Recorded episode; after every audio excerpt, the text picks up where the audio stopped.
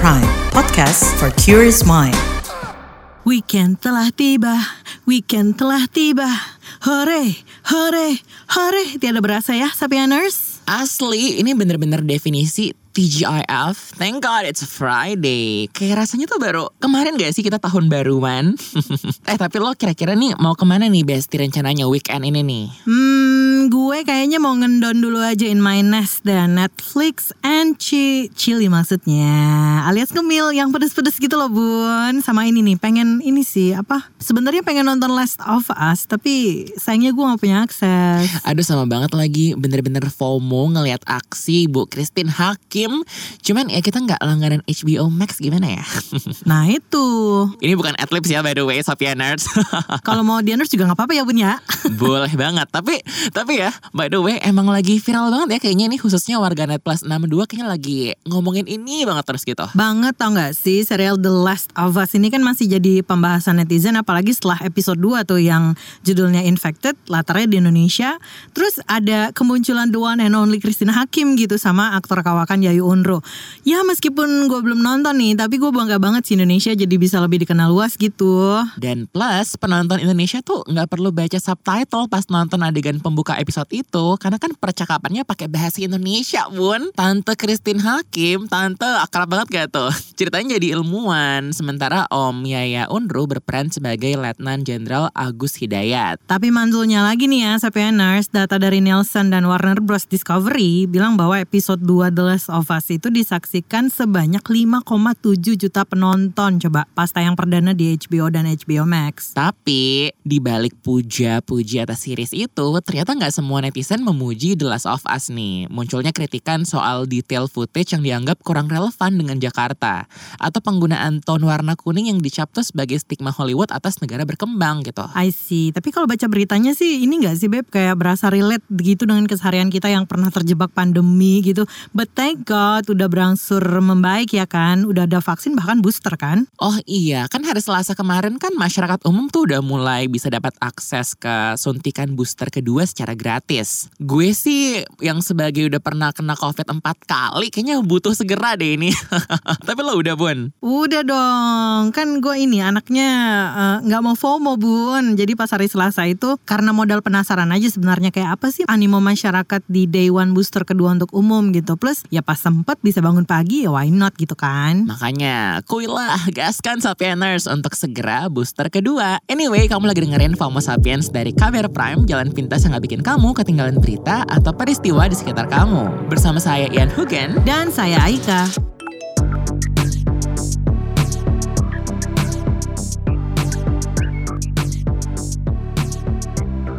Bun, bun, gue mau nanya nih, siapa tahu kita sama. Ada apa lagi nih? Sama-sama suka duren. Ada pikiran apa nih tiba-tiba bun? Kalau tiba-tiba mau ngasih gue duren gitu ceritanya. Ntar dulu, makanya gue kan belum kelar ngomong. Tapi kenapa jadi duren coba ngidam loh? Enggak gitu. Lagi kan tiba-tiba lo nanya gitu. Siapa tahu kita samaan. Jadi apa nih yang kira-kira kita sama gitu selain duren ya? Hmm, jadi gini nih, gue tuh kalau scroll-scroll TikTok, IG gitu pasti ada aja nih kan videonya. Itu anaknya Taurel tuh si Baby Amina. Kali ntar ada yang nanya, anaknya siapa lagi gitu. Sampai gumo gue isinya tuh FYP gue tuh kayak isi anak artis mulu gitu. Ini sosmed gue doang apa lo juga Beb? Hmm, kalau gue ya kadang tuh ada juga tuh video anak kecil yang bikin konten sama ibunya gitu. Terus ada juga nih yang di prank sama orang tuanya. Kayak yang akhir-akhir ini lagi viral itu loh soal video bayi yang dicekoki kopi susu saset sama ibunya. Itu gimana ceritanya coba? Apakah emang kurang edukasi atau emang ngebet viral aja gitu? Ya gue nggak ngerti ya kalau itu termasuk prank atau bukan. Tapi berasanya kalau menurut gue itu bukan prank sama sekali sih gitu. Tapi istilahnya nih anak-anak sekarang tuh dari dini semenjak masih bayi tuh udah jadi akrab banget gitu dengan dunia digital. Orang tuanya kan selalu ngedokumentasiin. Bahkan juga banyak yang bikin Instagram khusus buat si anaknya kan. Udah hal yang lumrah ya jadinya untuk apa ya? Dikontenin gitu terus jadi konsumsi publik. Cuma ya nggak di prank juga sih seharusnya bun. Masa ada juga nih gue ngeliat video anak tuh dikasih makan cabe, bayang kulitnya sensitif udah dikasih skincare dewasa. Kayak di luar nalar deh pemikirannya mom sama now ini. Duh, tapi emang nggak semuanya juga sih. Gue sih ngerti kalau emang jadi ibu tuh sesuatu yang susah ya. Nah ngomongin ini gue tiba-tiba jadi inget nih. Mungkin Sapieners juga keinget kontennya Ria Ricis yang waktu itu bawa anaknya baby Moana yang masih lima bulan tuh buat naik jet ski gitu kan. Tapi coba dari lu bayangin ya, lima bulan kan itu belum bisa berdiri, apalagi berenang ya kan. Terus di videonya baby Moana cuma dipegang tuh pakai satu tangan, nggak dipakein life jacket juga. Ya hasilnya netizen pada kritik dia tuh karena dianggap Ria Ricis dan suaminya ini mengeksploitasi anaknya demi AdSense YouTube. Tapi nggak cuma netizen aja loh bun, ini Ketua Komnas Pelindungan Anak Aris Merdeka Sirait juga bikin video di Youtube yang mengkritik Ria Ricis. Kalau tindakan Ria Ricis ini memang cuma buat utamain konten gitu ya. Menurut Aris ini tuh termasuk dalam eksploitasi anak loh. Padahal seharusnya anak-anak tuh dapat kasih sayang dari orang tuanya. Kan itu tujuannya juga buat tumbuh kembang si anak kan. Nah itu dia. Ini yang yang menariknya lagi nih ya. Sampai Presiden Jokowi aja ikutan ngasih kritik Bun. Kalau menurut Pak D penting banget buat ngasih edukasi bagi ibu hamil dan ketika anak lahir. Salah satu tujuannya buat ngurangin angka stunting. Ini karena Pak D udah nonton video bayi 7 bulan yang dikasih kopi saset itu tadi. Kalau kata dia sih penyuluhan itu paling penting. Nah kalau kata Pak Jokowi juga nih, kualitas keluarga dan SDM tuh yang paling penting buat si anak. Dia juga minta untuk petugas penyuluhan mengutamakan untuk pemberian sumber protein langsung seperti telur dan ikan. Hmm, tapi kalau dilihat-lihat nih ya sekarang ya, kan gak cuma soal makanan yang dikasih ke anak-anak aja kan Bun. Kayak banyak juga gitu orang tua yang kesannya tuh terlalu mengekspos foto atau bahkan video anak-anaknya gitu. Padahal ini kan ini gak sih kayak bisa ngasih resiko atau dampak jangka panjang gitu buat si anak. Lagi-lagi kan orang tua yang masih nggak sadar sama perbuatannya. Tapi bukan berarti nggak boleh ya mengunggah foto sang buah hati gitu di akun media sosial. Cuma ya toh coba berpikir deh lebih bijak untuk jangka panjang si balitanya. Nah, kalau menurut Kepala Subdivisi Digital at Risk SafeNet, Ellen Kusuma, setiap orang tuh punya tingkat resiko yang beda-beda. Bisa aja nih ada anaknya yang fotonya di-share di grup predator seksual yang melakukan child grooming atau sengaja diincar buat diculik atau bahkan dijual gitu, amit-amit ya kan? Ih, takut kan? Tapi kalau dipikir nih sisi positifnya, psikolog anak Rati Sulhaki menyebutkan ada dua faktor yang jadi penyebab orang tua tuh sering menjadikan anak sebagai objek dari konten. Pertama, mungkin mau edukasi dengan kasih informasi ke orang tua yang lain tentang gaya ngasuhnya mereka, tentang cara interaksi dia dengan sang buah hati, atau faktor kedua, orang tua mau menunjukkan kalau dia itu seseorang yang berguna gitu. Jadi semacam bentuk eksistensi mereka lah. Validasi gak sih jatuhnya? Nah itu, tapi tetap aja kan konten yang dibuat tuh bukan konten lucu-lucuan juga atau bahkan sampai prank gitu. Istilahnya kalau di Instagram tuh jangan apa namanya seeking for likes cuman untuk posting anak-anak gitu. Tapi sebagai orang tua, ya walaupun personally I'm not a parents yet gitu kan. Tapi kayak ini gak sih bun mungkin harus bisa lebih bijak atau think before we act gitu kalau kita posting. Kira-kira nih kalau kita mau posting sesuatu gitu kayak kita aja mikir-mikir nih kan. Maksudnya kalau gue posting sesuatu ini ada manfaat atau malah nirfaedah gitu ya. Mungkin hal yang sama juga gitu kan ketika memposting foto anak-anak gitu. Nah itu menurut gue tuh kudu peka juga ya sama postingan di media sosial gitu ya. Apa yang boleh di-share dan yang mana yang cukup jadi konsumsi pribadi aja gitu. Anak kan bisa beresiko dibully atau dampak ke anak secara psikis juga. Aduh ini buat kita semua sih ya. Nggak cuma buat orang tua doang sebenarnya tapi. Nah tapi ngomongin medsos nih Besti anak tuh kan juga punya hak privasi mereka kan Penting juga gitu buat mungkin orang tua meminta izin ke anak gitu Untuk posting foto atau video anaknya Kan si kecil juga punya hak untuk menentukan apakah fotonya bersedia untuk dilihat orang lain atau enggak ya kan Jadi ya intinya nih Sapieners mengunggah atau mengekspos anak itu sebenarnya ya boleh-boleh aja asal dipikirkan dulu nih manfaatnya dan dampak jangka panjang buat si kecil apa gitu. Setuju. Lagian juga kita nggak mau kan ya andai nih. Ya kalau anaknya udah bisa bilang iya atau enggak. Tapi kalau misalnya masih terlalu kecil dan belum bisa mengungkapkan isi hatinya, terus ntar dia gede dia protes gitu menggugat orang tuanya gimana loh? Gara-gara orang tua gue memposting foto gue zaman gue baby ya. Kayaknya Aika udah siap banget nih buat jadi moms ya. Aduh, ah, tar dulu ya kalau itu ya.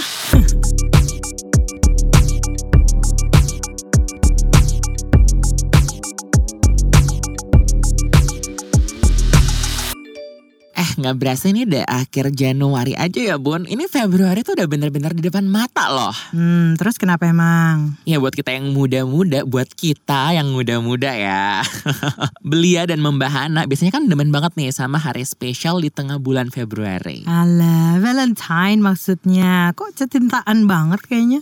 Ya bener banget lah. Tapi emangnya buat Valentine ini lo ada rencana gak sih Bun? Kayak candlelight dinner via video call mungkin secara kan lo LDR ya? Uh, mohon maaf ya, dia akan datang specially for Valentine's Day, so itu kalau gue. Tapi kalau lo gimana? Kebetulan gue udah ready sih buat candlelight dinner. Masalahnya pasangannya aja yang belum ada gitu. Self date dong. Mungkin bisa jadi ya. eh, tapi kalau kita ngomongin kecintaan nih, kayaknya nggak bakal ada habisnya sih. Tapi kalau menurut lo nih, the greatest love story versi Ian tuh kayak kisah cintanya siapa gitu? Mungkin gue uh, contohnya nggak jauh-jauh ya uh, nyokap bokap gue kali. Cie, karena mereka tuh sebenarnya adalah pacar pertama masing-masing dari SMA dan dan nikah sampai sekarang gitu loh. Jadi menurut gue tuh keren sih. Cie. Sudah berapa tahun, Bun? Nikahnya tahun 90.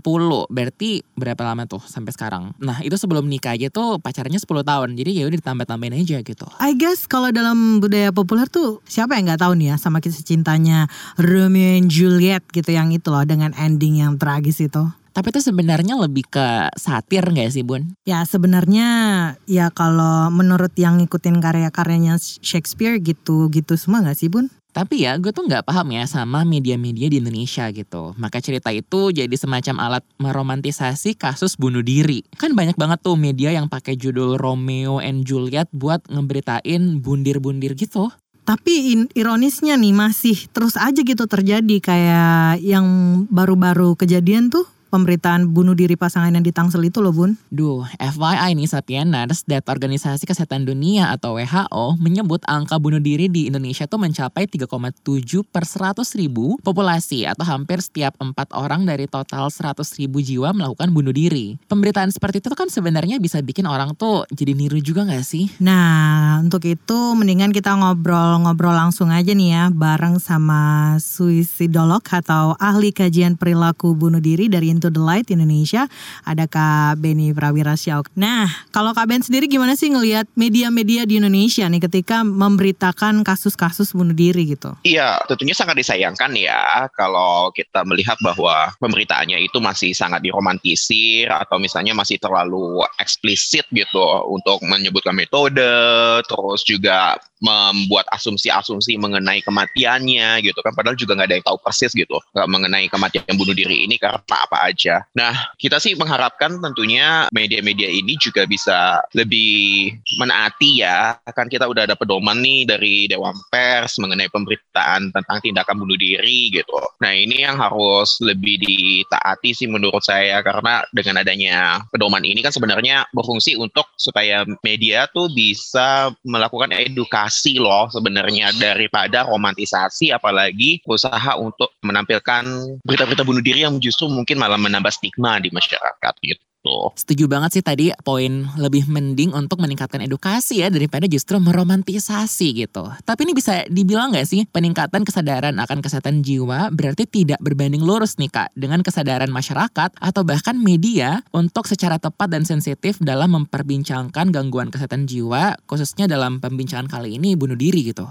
Iya, memang hubungannya itu kompleks ya karena gini, misalnya kita melihat di media sendiri kan banyak proses di dalam media itu sendiri. Ya tentunya kita tadi mengharapkan bahwa media bisa menaati pedoman-pedoman ini ya. Cuma memang yang namanya kesadaran kesehatan mental itu kan sering kali hubungannya itu kompleks dengan adanya proses pemberitaan. Misalnya ketika kita bicara mengenai proses pemberitaan sendiri kan itu harus melewati struktur-struktur di dalam organisasi media yang harus mempertimbangkan kalau saya memberitakan ini bakalan laku nggak ya untuk diklik gitu. Atau misalnya uh, si jurnalisnya mungkin udah punya kesadaran mengenai kesehatan mental dan ini nggak boleh nih kalau diliput seperti ini gitu. Tapi nanti di tahap-tahap berikutnya gitu kan itu malah sering kali misalnya editornya yang mungkin nggak punya perspektif terkait hal ini. Jadi memang prosesnya sendiri kompleks ya. Kalau dibilang apakah adanya peningkatan kesehatan jiwa di masyarakat iya peningkatan itu terjadi. Tapi apakah itu akan langsung langsung berhubungan langsung dengan produksi berita yang lebih konstruktif mengenai bunuh diri, masih banyak banget faktor-faktor lain yang harus dipertimbangkan. Nah, aku sempat baca nih Kak, ada satu artikel tentang bagaimana pengaruh pemberitaan bunuh diri yang sensasional dan meromantisasi itu bisa berpengaruh dan mungkin banget ditiru gitu kayak ada istilah Werther effect gitu. Ini mungkin bisa dijelaskan juga nih soal itu.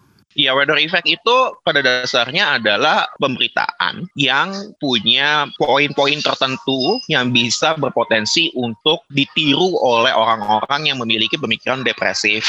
Misalnya, dia menyebutkan mengenai sebab tunggal. Nah, ketika sebab tunggal, asumsi sebab tunggal ini disebutkan di berita kematian bunuh diri, orang yang sedang depresi karena mungkin punya hubungan dengan masalah itu juga, itu jadi kepikiran, oh saya bisa lepas dari rasa sakit sakit saya secara mental ini dengan bunuh diri gitu. Saya bisa mengakhiri hidup saya dan rasanya mungkin akan lebih bahagia gitu. Mungkin akan lebih lega seenggaknya. Nah, ini yang jadi bahaya. Apalagi kalau nanti dikasih tahu misalnya tempat yang berbahaya itu di mana untuk tempat kejadiannya gitu kan ya. Terus metode-metode yang berbahaya yang mematikannya. Nah, itu bisa jadi semakin menginspirasi in quote and quote gitu ya, inspirasi untuk di copy gitu oleh orang lain. Makanya weather effect ini semacam mekanisme psikologis yang terjadi terjadi dan menjelaskan bagaimana kejadian bunuh diri itu bisa ditiru karena adanya pemberitaan yang terlalu eksplisit mengenai kematian bunuh diri. Ini seolah-olah kayak dikasih justru ide gitu ya, mengencourage mereka gitu. Kalau misalnya salah tangkap atas romantisasi bunuh diri itu lagi. Tapi kira-kira ya kak ya, Kak Benny, ini Into the Light pernah bikin pemetaan atau paling nggak punya catatan nggak sih soal pengaruh pemberitaan yang mengglorifikasi bunuh diri itu?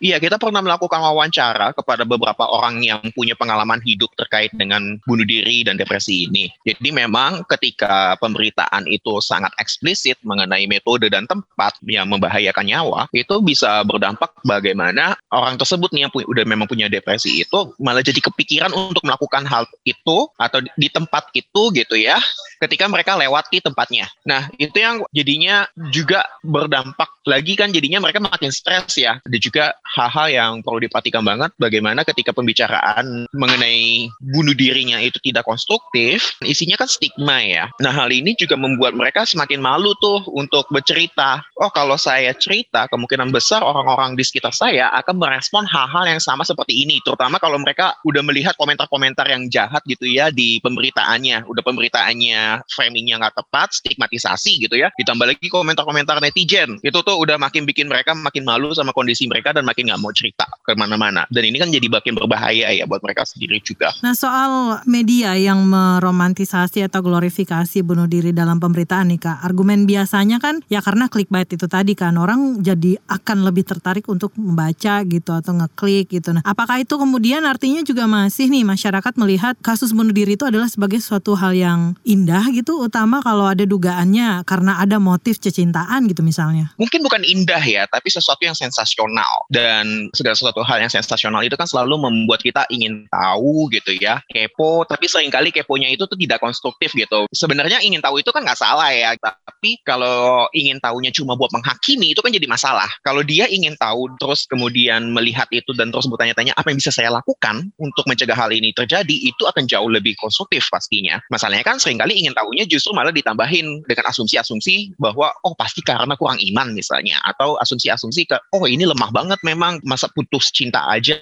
malah mereka mau bunuh diri. Padahal kasus-kasus bunuh diri karena putus cinta itu banyak banget sebenarnya. Itu bukan suatu hal yang aneh ibaratnya bahkan. Jadi hal-hal seperti ini tuh yang perlu kita lihat kembali sih, diedukasi lagi sih masyarakatnya gitu. Dan kenyataannya sih sebenarnya ya kalau kita lihat di negara-negara yang udah literate mental health-nya gitu ya, yang literasi kesehatan jiwanya udah tinggi gitu, seperti misalnya di Amerika Serikat itu ada satu studi yang menunjukkan bahwa ketika pemberitaan mengikuti pedoman pemberitaan bunuh diri, berita online ya, itu justru lebih banyak dapat klik dan engagement di media sosialnya juga. Nah, itu yang menunjukkan bahwa memang kan ini ada permintaan dan penawaran yang saling memberikan umpan balik ya gitu. Jadi memang harus dua-duanya nih harus yang si masyarakatnya harus diedukasi, si medianya juga harus diterapkan nih pedomannya supaya bisa membentuk pembicaraan mengenai pencegahan bunuh diri yang jauh lebih efektif. Oke, tapi gimana sih Kak kira-kira kita tuh seharusnya menyikapi berita yang seperti itu gitu?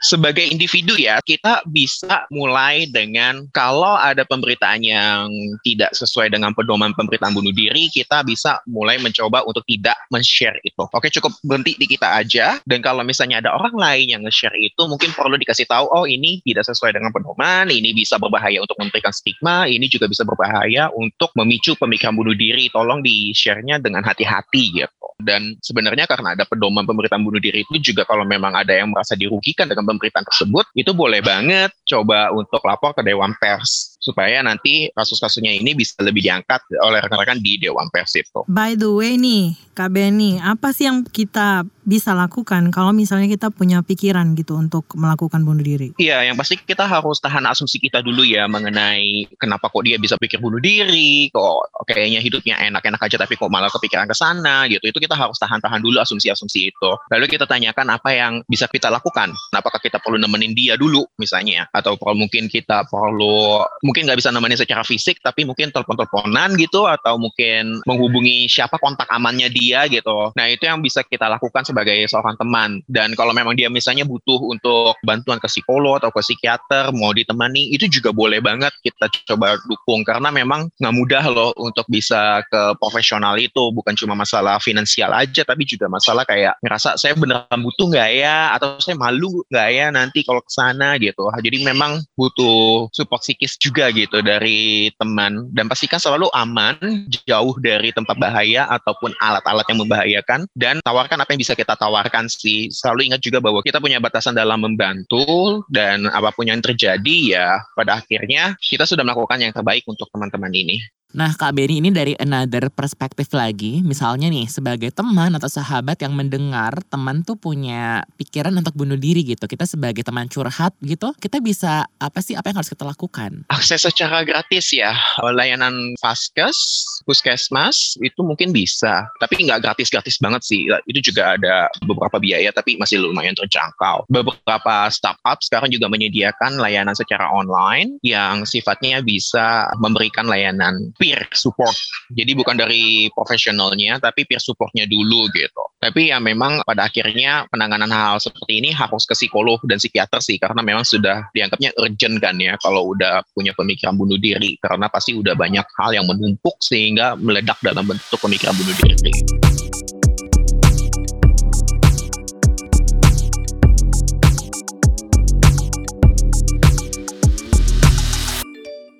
Bun, lo tau nggak pertanyaan yang ini personally ya menurut gue sulit dijawab adalah Let me guess ya. Hmm, mau makan apa sekarang atau mungkin pakai baju apa sih hari ini gitu, Bo?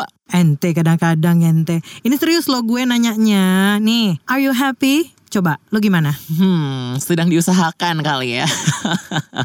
Tapi emang lo bisa jawab apa pertanyaan sedip itu? Eh kan tadi udah gue bilang susah jawabnya. Tapi honestly kalau menurut gue sih nggak bisa black and white gitu nggak sih kalau jawab pertanyaan itu tadi. Apalagi konsep bahagia itu kan banyak banget spektrumnya ya nggak sih bu? Kalau gue bahagia itu ketika eh, nggak uh, perlu mikirin saldo di rekening. Kalau lo gimana? Gimana ya? Bahagia kan itu beda-beda. Ada bahagia buat hari ini, ada bahagia untuk masa depan, ada bahagia sudah berdamai dengan masa lalu. Jadi kayak complicated ya. Tapi by the way lo habis makan apa sih? Kenapa tiba-tiba ngomongin kebahagiaan ya kita? Hmm banget. Nggak ini gegara abis ini loh. Gue habis nonton itu film lama The Pursuit of Happiness itu loh Bun. Ini sampai Enos udah pada nonton belum? Itu film lama emang. Tapi ya namanya juga butuh asupan inspirasi ya bestia. Ya. Biar tahun kelinci air ini Ai bisa tetap bahagia begitu. kita uh, habis ngitung kalender Feng Shui ya. Tapi sebenarnya ya ini juga bisa jadi nggak sih? Karena faktor lokasi domisili. Itu tuh menurut gue cukup real relate gitu sama tingkat kebahagiaan. Ih, masa sih? Nih Sapieners dengerin ya. Berdasarkan laporan The Least and Most Stressful Cities Index 2021, Jakarta tuh masuk ke dalam daftar 10 kota dengan tingkat stres tertinggi di dunia loh. Ini makin tinggi tingkat stres, gimana kita bisa happy ya? Well, it's all about rush and rush di kota megapolitan ini ya kan. Apakah sudah saatnya uh, kita migrasi, Besti? Hmm, ke kota yang pace-nya kayak Wallace gitu loh, kayak Jogja, ya kan, Selau, Ben Santuy. Uh, gue jadi keinget zaman hidup di Jogja dulu pas zaman jebot, Beb. Uh, bahagia-bahagia aja gue jadi warga Jogja. Tapi emang sih Jakarta itu bisa dibilang hektik tapi segala perputaran ekonomi alias percuanan tuh ya besar kesempatan di mari gitu kan Bon kalau dibanding Jogja. Apalagi ada survei baru nih dari BPS. Yang ini yang dibilangnya Jogja jadi provinsi termiskin sejawa itu. Spill. Jadi gini nih Sapieners, Badan Pusat Statistik mencatat tuh kalau Jogja menjadi provinsi termiskin di Pulau Jawa per September 2022. Karena upah minimum provinsi mereka aja tuh aduh menjadi yang terkecil kedua di Indonesia gitu. Bayangin coba. Plus nih ya per September 2022 kemarin Jogja tuh punya tingkat kemiskinan kurang lebih 11,49 persen dengan jumlah penduduk miskin mencapai 463 ribuan. Ya itu kalau takarannya cuan sih ya bun ya. But money can't buy happiness don't you think? Kayak banyak gitu orang tajir tapi endingnya juga nggak happy kan. Kayak kata pepatah Jawa sih, mangan orang mangan yang penting ngumpul. Yang artinya makan nggak makan yang penting kumpul. Ya nggak ada duit nggak apa-apa besti, biar laparnya bareng-bareng. Tapi anyway ya, ini perkara Jogja yang dibilang Miss Queen, tapi warganya happy, ini juga jadi perbincangan warganet loh ya. Salah satunya konsultan pemasaran Yuswo Hadi, ini yang emang orang Jogja tulen gitu ya. Doi itu bingung dengan status Jogja sebagai provinsi termiskin, karena Jogja ini dikenal sebagai kota pendidikan maupun destinasi wisata, sehingga tuh terasa janggal gitu bila perputaran ekonomi di sana terbatas. Oh iya, Yuswo Hadi tuh juga nyoba nih, dia mencoba mempelajari penilaian BPS dalam menentukan tingkat kemiskinan yang dihitung berdasarkan pengeluaran atau spending per kapita per bulan yang berada di bawah garis kemiskinan. Artinya, makin banyak pengeluaran, maka satu kelompok itu akan dianggap semakin kaya. Ya begitupun sebaliknya, makin dikit pengeluaran, makin miskin juga dinilainya. Makanya ini kudunya si orang Jogja tuh nggak perlu malu gitu dapat predikat sebagai provinsi termiskin dari BPS. Tapi sebaliknya justru bangga bisa membuktikan tingkat kebahagiaan tidak perlu dinilai dari angka pengeluaran gitu. Ai setuju sih, nggak perlu malu meski kismin ya kan lebih malu-maluin kalau pura-pura kaya. Curhat say. Tapi ini by the way selain konsultan pemasaran ada juga nih ekonom daerah istimewa Yogyakarta yang komen Edi Suwandi Hamid menyatakan bahwa stempel Jogja Provinsi Miss Queen tuh sebenarnya sudah terjadi bertahun-tahun lamanya loh. Makanya tuh doi curiga ada politisasi soal tingkat kemiskinan ini gitu. Jadi ex-rektor UII Jogja itu bilang adanya data 463 ribuan orang miskin tuh nggak lantas bikin Jogja sebagai provinsi termiskin di Jawa loh ya. Tapi provinsi ini memiliki jumlah penduduk miskin tertinggi aja gitu. Ah iya ya, karena indikator kemiskinan kan harusnya juga berasal dari hitungan indeks pembangunan manusia atau IPM yang terdiri dari usia harapan hidup, angka kebahagiaan, angka harapan rata-rata lama sekolah, sama indeks kesejahteraan.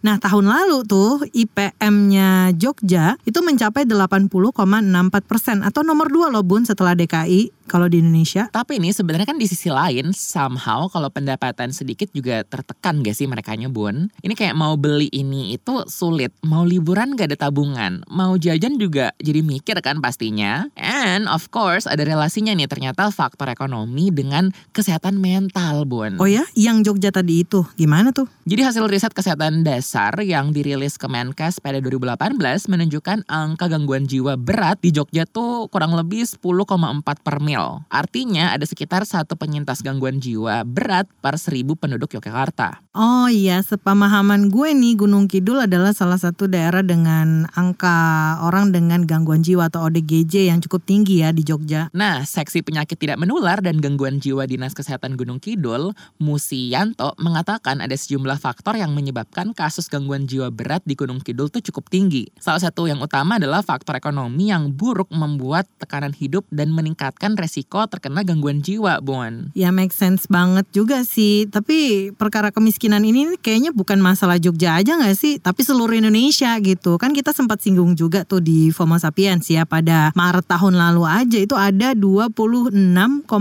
juta penduduk miskin di Indonesia. Jumlah itu mencapai 9,54 persen dari total populasi nasional. Terus ini pesan moralnya adalah Ya daripada ngebacot nih mempersoalkan predikat miskin ya kan? Lebih mendesak gimana tuh upaya mengentaskan kemiskinan? Bukan begitu? Karena masalah tingginya presentasi warga miskin kan udah bertahun-tahun tanpa solusi nih ya. Kan pemerintah punya target tuh angka kemiskinan ekstrim di Indonesia mencapai 0% di 2024 mendatang. Tahun depan loh itu Sapieners. Itu mungkin bisa kita serahkan kepada pihak yang berwenang ya. Kalau kita ya mari kita giatkan cari cuan gitu. Mungkin bisa penghasilan Jakarta tapi spending Yogyakarta. Cita-cita. Yuk bisa yuk itu dulu buat pekan ini saya Aika Dan saya Ian Hugan. Sampai ketemu pekan depan. Bye.